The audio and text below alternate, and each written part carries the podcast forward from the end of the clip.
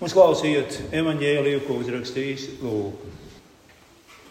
Pēc kādām astoņām dienām, kad Jēzus bija šos vārdus sacījis, viņš ņēma sev līdzi Pēteri un Jāni un Jākabu un uzkāpa kalnā Dievu lūgt. Un viņam lūdzot, viņa vaigs mainījās, un viņa drēbes tapa mirdzoši baltas. Un redzi, divi vīri ar viņu sarunājās, tie bija Mozus un Ēlija. Tie parādījušies godībā runāja par viņa aiziešanu, kam bija jānotiek Jeruzālē. Pēteris un viņa biedri bija miega pārņemti. Pamodušies, tie ieraudzīja viņa godību, un abus vīrus pie viņa stāvā, ka tie jau grasījās aiziet no viņa. Pēteris, nesaprastams, ko viņš runā, teica Jēzum: Mācītāji, te mums ir labi. Taisīsim trīs teltis, vienu tev, vienu mūzum un vienu ēliju. Kamēr Pēteris to teica, uznāca padebesis un viņus apēnoja, un mācekļus pārņēma izbailes, ka tos apņēma mākonis. Un no padebeša atskanēja balss: Šis ir mans izredzētais dārsts, klausiet viņu! Kad šī balss atskanēja, Jēzus jau bija palicis viens. Un viņi klusēja, un tādīs dienās nevienam neko nestāstīja par redzēto. Āmen. Problēmas. Mums ir dažādas problēmas. Mēs domājam, lielākas vai mazākas, bet mūsu galvenā būtiskā problēma ir grēks. Grēks mūs neved pie Dieva, grēks mūs šķir no Dieva. Paradīzes dārzā Ādams ēda to, ko nevajadzēja ēst, un pasaulē ienāca grēks. Un grēka dēļ pasaulē ienāca nāve. Un, lai gan cilvēks mēdz uzskatīt, ka vienīgā problēma mums ir nāves problēma, patiesībā nāves problēma mums ir tādēļ, ka mums ir grēka problēma. Nebūtu grēka, nebūtu nāves. Un šādas problēmas esamība nu, ir vedinājusi cilvēkus uz domām, nu, ka grēka problēma ir jārisina.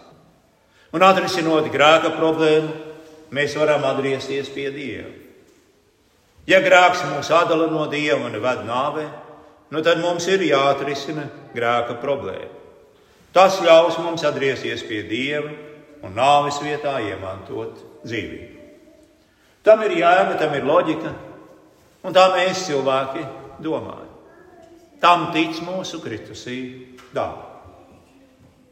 Kā lai mēs atrisinām savu grēka problēmu un kā lai mēs atgriežamies pie Dieva?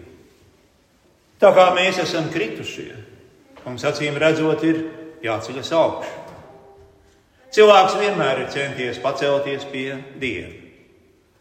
Nimrods un viņa sakotāji uzcēla Bābeles torni, Eģiptieši cēla piramīdas, Grieķiem bija sava akropole un pantenons.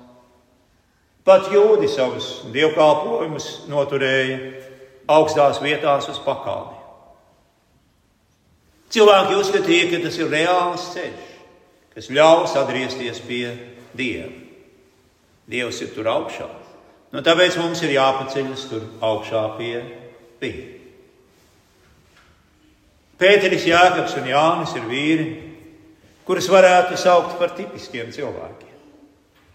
Viņiem patīk tas, ko viņi redz, kad viņi sako Jēzu. Nu, nav tā, ka glābēja balss būtu pilnībā klusināta, bet tas, uz ko viņi koncentrējas, ir tas, ko viņi redz ar savām acīm. Jo galu galā daudz kas bija noticis kopš Jēzus kalpošanas sākuma. Protams, ir ticis mācīts, jo tas ir Jēzus mērķis, bet vēl svarīgāk Pēterim, Jākabam un Jānim šķita tas, ka bija notikuši brīži. Ir bijušas dziedināšanas, liela ļaužu pūļa paēdināšana ar dažām maizēm, ir bijuši eksorcismi, ļauno garu izdzīšana. Aklie redz, kur liet dzird, mēmie slavē Dievu, tīzlais pielec kājās un dodas uz mājām, nesot savu matraci. Vēlni kliedz un gaudo Jēzus klātbūtnē. Ir noticis daudz kas. Brīnišķīgi Dieva darbi, godības zīmes, lai kur arī Jēzus dotos. Un nu Pēteris, Jākaps un Jānis Tagad viņi ņem un nomaldās Dieva godībā.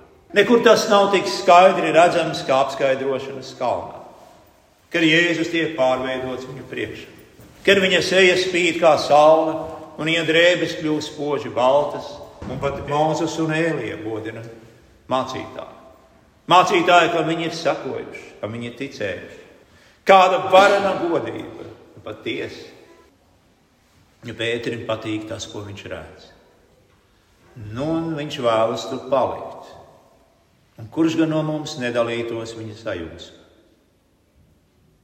Un tāpēc Pēteris runā ne tikai par sevi, bet arī par Jāekabu un Jānu, kā arī par jums un par mani patiesi par mums visiem kurus ir pārņēmusi mīlestība uz godību. Uzcelsim trīs teltis, vienu jēzumu, vienu mūzumu un vienu ēliju. Šie Pētera vārdi atklāja viņa neprātu. Ko viņš vēlas darīt? Pēteris vēlas strādāt Jēzus labā. Tas ir tas, ko vienmēr vecais Ādams domā. Domā, ka Jēzus vēlas no mums lai mēs darbojamies viņa labā. It kā Dieva godības attēli būtu doti, lai mēs to sadarinātu, tiektos pēc tiem, iespaidotu Dievu ar savu godību, ar mūsu roku darbu, ar mūsu uzticības apliecinājumu. Paskatieties uz mani, paskatieties uz mani Jēzu. Un tā acis no Dieva godības pievēršas kā mums pašiem. Sirds, kas uz mirkli ļāvās valdzinājumam, priecājoties par to, ko acis redzēja, tūdaļ atklāja savu patieso dabu - grēka verdzību. Grēcīgā cilvēce, un tas nozīmē arī tevi un mani, nespēja aptvert dieva godību. Tā nevar redzēt dieva godību un palikt dzīva. Dieva godība var ne tikai mūs aprīt, kā tā to darīja ar dažiem jūdiem tuksnesī, bet tā izceļ arī mūsu patieso būtību. Proti, to, ka mēs vēlamies kaut ko darīt. Kaut ko darīt, lai pierādītu, ka esam pelnījuši palikt kopā ar Dievu viņa godībā. Pārņemti ar domām par Dieva majestāti, mēs ilgojamies parādīt Jēzum, ka mēs neesam tādi kā visi tie, kas atrodas kalna pakājā. Mēs vēlamies pierādīt Jēzum, ka neesam tādi kā muitnieki un grēcinieki un palaistos. Mēs esam labāki, mēs esam cienīgi, un mēs esam gatavi tā labā arī pūlēties un strādāt. Mēs esam malači. Bet kas notiek? Šāda mūsu vēlme mūs tikai virza prom pa iznīcības ceļu. Acis vairs nav vērstas uz Jēzu, un pat ne uz mūsu tuvāko, kurš mūsuprāt, protams, ir zemāks par mums. Uz ko tad tās tagad ir vērstas? Protams, tās ir vērstas uz mums pašiem, uz mani, uz sevi. Mīlestība uz godību no mūsu puses izraisa tikai divas reakcijas. Vai nu mēs kļūstam izmisuši un pārbijušies, vai arī mēs darām visu iespējamo, lai paliktu kopā ar Jēzu un kļūstam par izciliem liekuļiem. Mēs darām to, kas ir mūsos, Mēs cenšamies būt labāki, būt labi, dievbijīgi, patiesi reliģiozi cilvēki. Un kas notiek? Mēs apmaldāmies no tā, ko redzam, pagriežamies nepareizā virzienā, laužamies cauri biezoklim un bezcerīgi ceram, ka mūsu pūliņi mūs nogādās paradīzē. Tāda dzīve ir dzīve, kas vadās pēc tās godības, ko redz acis. Šāds garīgums nav no dieva gara. Tas ir ceļš, kas ved uz ēlu. Raksti parasti nesola svētību tiem, kas redz. Raksti nekur nesola pestīšanu tiem, kas dara. Svētie raksti nekur nerunā par kāda cilvēka atgriešanos no grēkiem, ko panākusi dieva varenības pilnā godība. Mūsu grēcīgā daba to visu sagroza. Tas, kas ir jāredz mums, ir tikai un vienīgi Jēzus. Mums nav jāredz dieva varenība. Mums nav nepieciešams pacelties debesīs un saskatīt dieva godību. Mums ir jānožēlo grēki. Tas ir tas, kas mums ir jādara. Un grēku nožēla nenāk no tā, ko redz acis. Pēteris, Jēkabs un Jānis redz Jēzus godību. Pēteris, Jēkabs un Jānis bija liecinieki Mozum un Ēlijam. Pēteris, Jēkabs un Jānis redzēja, kā mākonis viņus atņem, un viņi izbijās. Un tad balss atskanēja no mākoņa, un viņi krita uz sejas un ļoti nobijās. Un tā dieva godības mākonis, ko darīja, tas aizsedza viņu acis, lai viņi varētu tikai klausīties. Šis ir mans mīļākais dēls, uz kuru mans labs prāts, klausiet viņu. Redziet, mīļie, mūsu kungam viss ir saistīts ar vārdiem. Vārds novērš mūsu grēcīgo dabu savā sliedēs, liek mums apstāties un ļaut dievam būt dievam. Jo mūsu Dievs neglābj ar to, ko mēs uzskatām par viņa godību. Bet patiesā Dieva godība ir tā, ka Viņš glābj ar savu vārdu. Klausiet viņu! Darbi tevi neglābj, lai cik dievbijīgi, sirsnīgi un labi iecerēti tie būtu. Lai kā tev tie pašam patiktu. Tu esi glābts no žēlastības caur ticību. Un ticība tic nevis tam, kas ir mūsos, bet gan tam, kas ir ārpus mums, kas mums tiek dāvināts no ārienes. Tas, kam ticība tic, nav tas, ko jūs redzat, bet tas, ko jūs dzirdat. Jūs redzat pilnīgi pretēju. Bet jūs dzirdat, ka jūs esat svēti, ka jūs esat izglābti, ka jūs celsieties no kapa un dzīvosiet mūžīgi. Un tas ir tas, kam jums ir jātic. Un tā Jēzus dodas atpakaļ lejup pie muitniekiem un grēciniekiem. Viņš dodas pie prostitūtām, pie homoseksuāļiem, dzērājiem, slepkavām, laulības pārkāpējiem, netikļiem, elpu pielūdzējiem, pie šķirteņiem, pie salauztām ģimenēm, pie salauztām sirdīm, salauztām dzīvēm, pie dzērājiem, pie pasaules, kurā šiet visur valda nāve un vēlns. Viņš dodas atpakaļ lejup no kalna uz mūsu pasauli. Uz pasauli, kas līkst grēkā un nāvē. Un šajā pasaulē tādi cilvēki kā tu un es mīl savus grēkus un atsakās tiek saukti par grēciniekiem. Šajā pasaulē, kurā cilvēki cenšas glābt paši sevi, sakot tam, ko viņi redz, mīlēt to, ko viņi redz, viņi vēlas to, ko Dievs sauc par nepareizu, par pilnīgi aplam, par grēku. Mēs cenšamies piespiest Dievu mīlēt mums, lai pierādītu, ka mēs tomēr esam mīlestības un glābšanas vērti. Tas ir viena no lielākajām, neprātīgākajām domām un lietām, ko cilvēks var darīt. Piespiest mīlēt sevi to, kurš jau tā mūs mīl, pāri par savu dēla dzīvību. Piespiest mīlēt mūs ar saviem perversajiem, liekulīgajiem, netīrumu pilnajiem darbiem. Nokāpt no kalna, būt kopā ar mums mūsu postā. Tas vēl nav evaņģēlijs. Nav labu ziņu Dieva klātbūtnē ar mums, ja Dievs nav klāt, lai kaut ko darītu ar mūsu grēkiem. Mums ir svarīgi to saprast.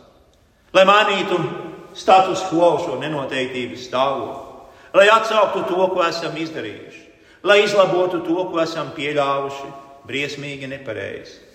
Kas tas ir? Tas ir krusts. Nekā cita nav. Nekas cits nevar būt. Cilvēka dēlam nav vietas, kur nolīt galvu. Un arī mums nevajadzētu ar saviem pūliņiem censties pieskaņot viņu tādam, kādam mūsu prāt būtu jābūt Dievam. Jo tā atkal ir viena no mūsu lielākām nelaimēm. Mēs mēģinām izdomāt Dievu, kādam viņam vajadzētu būt ja mums nepatīk tas Dievs, kāds viņš ir. Nē, Dievs būs Dievs pat tad, ja mēs to centīsimies neļaut. Jūs varat darīt, ko jūs gribat, Dievs vienmēr būs un paliks Dievs. Un tādējādi krusts. Tātad viņš mirst. Jēzus ir krustā sists, lai tiktu galā ar mūsu grēkiem. Viņš izlaiž savas asinis, jo bez asiņu izliešanas nav piedošana. Viņš to visu dara, jo tu un es to nevaram izdarīt. Viņš to dara mūsu labā, jo tas kungs nevēlas pat ļauno cilvēku nāvi. Viņš vēlas, lai mēs atgriežamies, lai nožēlojam grēkus un dzīvojam. Un dzīve mums tiek dāvināta pie krusta. Grēks tiek uzvarēts pie krusta. Nāves vara tiek satriekta pie krusta. Ar nāvi, ko viņš nomira, viņš nomira vienreiz par visām reizēm. Un tas, ka šī nāve ir vienreizēja, nozīmē, ka tai nekas vairs nav jāpievieno. Jums nav nekādu darbu, ar ko jūs varētu papildināt šo nāvi.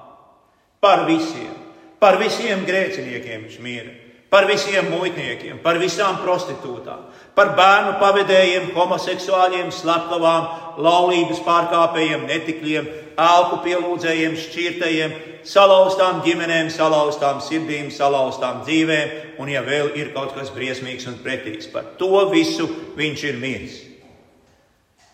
Viņš ir miris par visu, kas ir grēka pārņemts. Par visiem nozīmē par visiem. Par tevi un par mani un par pasauli. Ja mēs būtu līdzīgi Pēterim, Jākabam un Jānim, tā pārņemti ar to, ko mēs redzam ar savām acīm, kas notiktu? Krusta redzēšana mūs satriektu. Mēs redzētu tur tikai mirušu cilvēku pie koka. Bet mūsu Dievs neļāva mums staigāt pēc redzes, pēc tā, ko mēs redzam. Viņš aicina mūs ne tikai raudzīties uz krustu, Viņš aicina mūs arī klausīties tajā, ko viņš saka. Mēs neesam glābti redzot krustā sišanu. Mūsu izglābts stāsts par krustu, krusta vārds. Tas viss ir par vārdiem. Mūsu Dievs glāb grēciniekus ar saviem darbiem mūsu labā. Tie nav mūsu veiktie darbi, tie ir Dieva darbi, un par tiem vēsta mums viņa vārds. Viņa vārds ir tas, kas mums tos dāvā. Un viņa vārdi darbojas. Viņa vārdi ir aktīvi un spēcīgi vārdi, tie ir vareni vārdi. Tie dara to, ko tie saka, un dod to, ko tie sola. Ja tie saka, ka tev tavi grēki ir piedoti, tad tev tavi grēki ir piedoti. Ja tie saka, ka tu celsies augšā no kapa, tad tu arī celsies augšā no kapa. Ja tie saka, ka tu dzīvosi mūžīgi, tad tu arī dzīvosi mūžīgi. Šis ir vienīgais vārds, kurš spēj atņemt visas mūsu bailes. Un tieši tā Jēzus dara mūsu tekstā. Kad sakojot tēva vārdiem un mācekļu šausmām, viņš nāk līdzi, pieskaras mācekļiem un saka: Celieties un nebīsties! Nav redzama vairs nekāda varenība, nav redzama spoži mirdzošā dieva seja, nav svētlaimīgu vīziju, ko baudīt. Tikai Jēzus pieskāriens un Jēzus vārds. Un viņa vārdi atņem bailes un atbrīvo Pēteri, Jākabu un Jāni no viņu mīlestības uz godību, no viņu mīlestības pašiem uz sevi. Mīļais Kristu, tas ir tas, ko nozīmē Dievam būt Dievam. Tādas kungs darbojas tavā labā. Viņš darbojas caur saviem vārdiem. Un tātad mums šodien ir uzdots jautājums. Vai jūs vadāties pēc tā, ko jūs redzat, sakojat tam, ko jūsu acis redz, vai jūs uzticaties saviem dievīgajiem darbiem, un tad jūs ejat ļoti, ļoti nepareizu ceļu? Vai arī jūs klausāties viņā? Lai kāds būtu jūsu sociālais stāvoklis, lai kādi būtu jūsu dzīves apstākļi, neatkarīgi no jūsu grēka. Kaut vai jūs gulētu pēdējā sātmalē, jums ir dots klausīties viņā, un jums ir dots staigāt ticībā, nevis redzēšanā. Vai tu šaubies? Atceries savu kristību, Kristus nāvē un augšām celšanā. Tev sāp, arī tu nodari citiem sāpes. Klausies mierinošos Dieva žēlastības vārdus. Dievs nav pret tevi, Viņš ir pār tevi. Viņš ir priekš tevis. Vai tu esi iesprostot savā grēkā? Nu, tad radot savas ausis viņa balsī absolūcijā. Vai tu esi salauzts, vai tava ģimene ir izjukusi, vai tu esi zaudējis cerības, tu esi noraizējies. Esi drošs, ka Kristus ir klāt tev tieši šeit un tagad. Maizē un vīnā ar savu patieso miesu un asinīm, tavā labā, par tevi un priekš tevis. Vai tu gaidi, ka Dievs rīkosies, kaut ko darīs ar tavu grēku, ar tavu nāvi, tavu mūžību? Klausies pestītāju vārdu no krusta. Tēvs piedod viņiem, jo viņi nezina, ko dara. Vai jūs domājat, ka jums ir jāpiedāvā viņam kaut kas, kāds dievbijīgs lēmums no jūsu puses? Jāizvēlas kļūt par viņa sekotāju. It kā Dievs to vien darītu, kā gaidītu, ka jūs beidzot spērsiet pirmo soli. Nekusties, paliec, kur esi. Zini, ka tas kungs ir Dievs. Ja viņš saka, tas ir pabeigts, viss ir piepildīts, viss ir paveikts jūsu labā pie krusta. Un vai jūs kumstat pēc grēka algas? Priecājieties, Kristus ir augšām cēlies. Viņš tiešām ir augšām cēlies. Un visi, kas mirst tajā kungā, augšām celsies pēdējā dienā. Grēks un nāve ir uzvarēti. Jūs, kas ticat un esat kristīti, augšām celsieties no miroņa. Jūs, mīļie, kas esat miruši ticībā, visi jūsu mīļie, arī viņi celsies augšā. Jūs atgūsiet savus bērnus, savus vīrus, sievas, vecākus un vecvecākus. Jūs pat varēsiet satikt to svēto paudzi, kas ir aizgājusi sen, sen pirms jums. Tāds ir Dievs vārds, tāds ir Dieva vārda spēks jums. Tas viss ir par Dievu, par Viņa vārdu, par to, kāds Dievs ir. Klausieties viņu, ticiet, un tā arī būs. Būs tādēļ, ka tev ir dots Dieva apsolījums. Tā Dieva, kurš ir Dievs, kurš nekad nemelo, kurš vienmēr saka patiesību un kura vārdi vienmēr piepildās. Āmen!